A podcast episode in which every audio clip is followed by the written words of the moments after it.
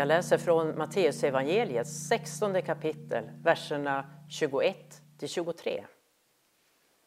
Från den tiden började Jesus förklara för sina lärjungar att han måste bege sig till Jerusalem och lida mycket genom de äldste och översteprästerna och de skriftlärda och bli dödad och bli uppväckt på tredje dagen. Petrus tog honom då avsides och började förebrå honom och sade Må Gud bevara dig, Herre. Något sådant ska aldrig hända dig. Men Jesus vände sig om och sa till Petrus Håll dig på din plats, Satan. Du vill få mig på fall, för dina tankar är inte Guds utan människors. Det ordnar sig.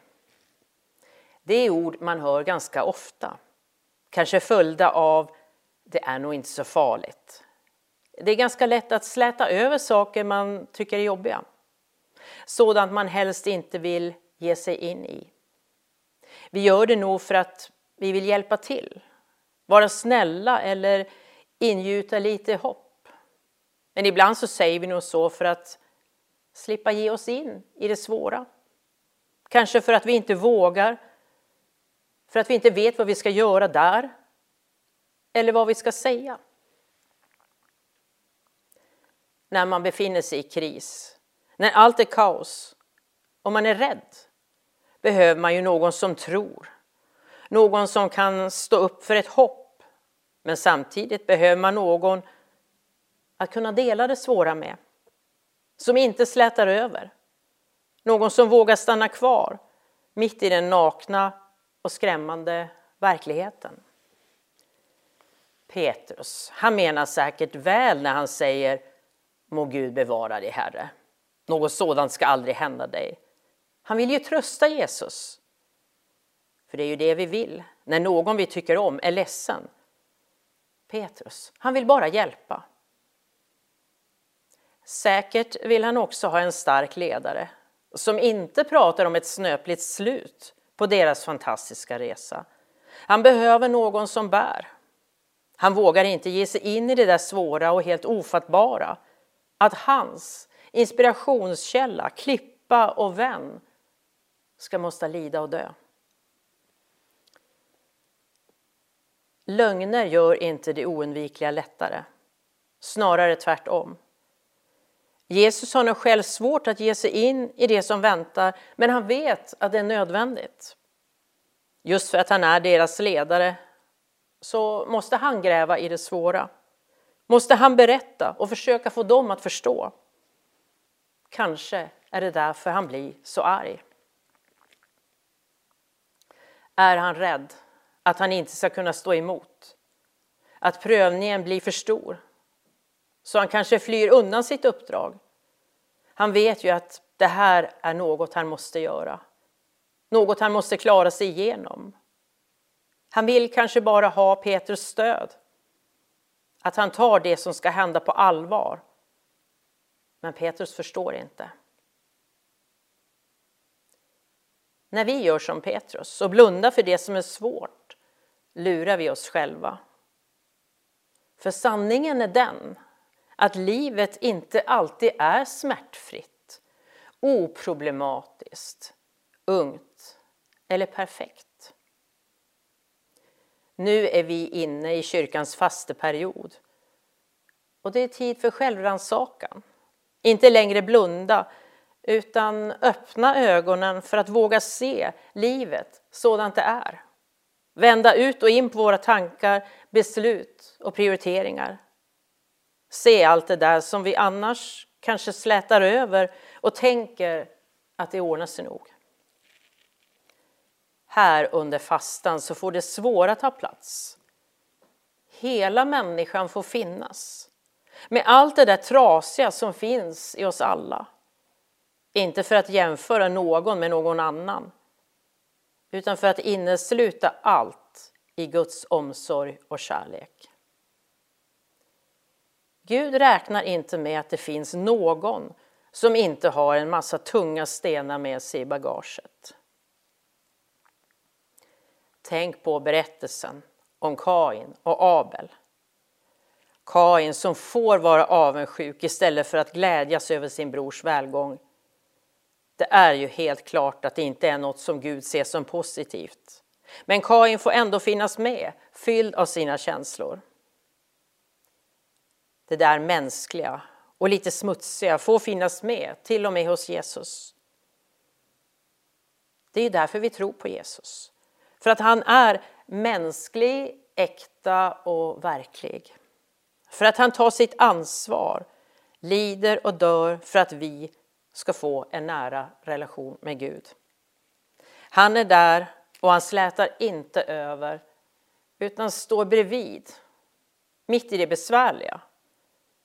Möter vår blick och hjälper oss att hitta vägen igenom.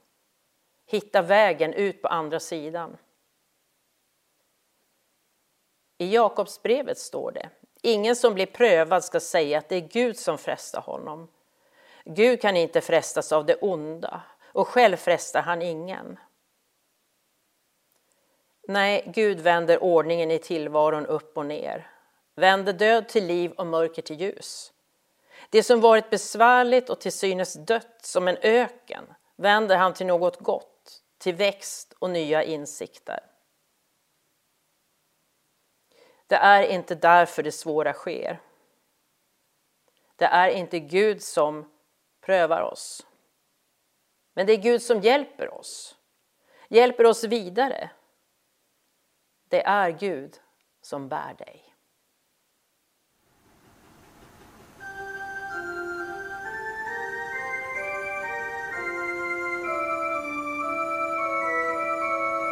Música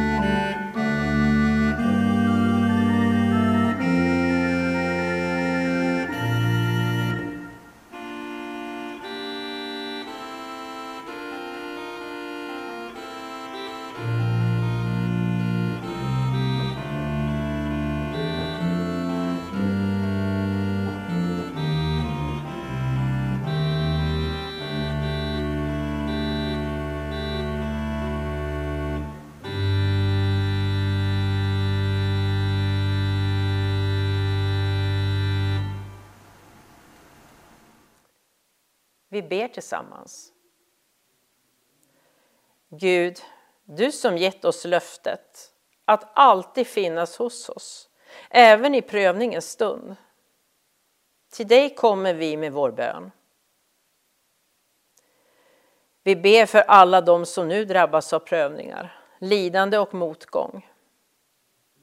Gud, ge dem styrka och ork att fortsätta och medmänniskor som orkar lyfta dem. Gud, var med oss alla när vi drabbas av det svåra och prövningar. För vår egen förmåga att se våra starka och svaga sidor. Gud, hjälp oss att ständigt utvecklas som människor, för vår egen och för våra medmänniskors skull.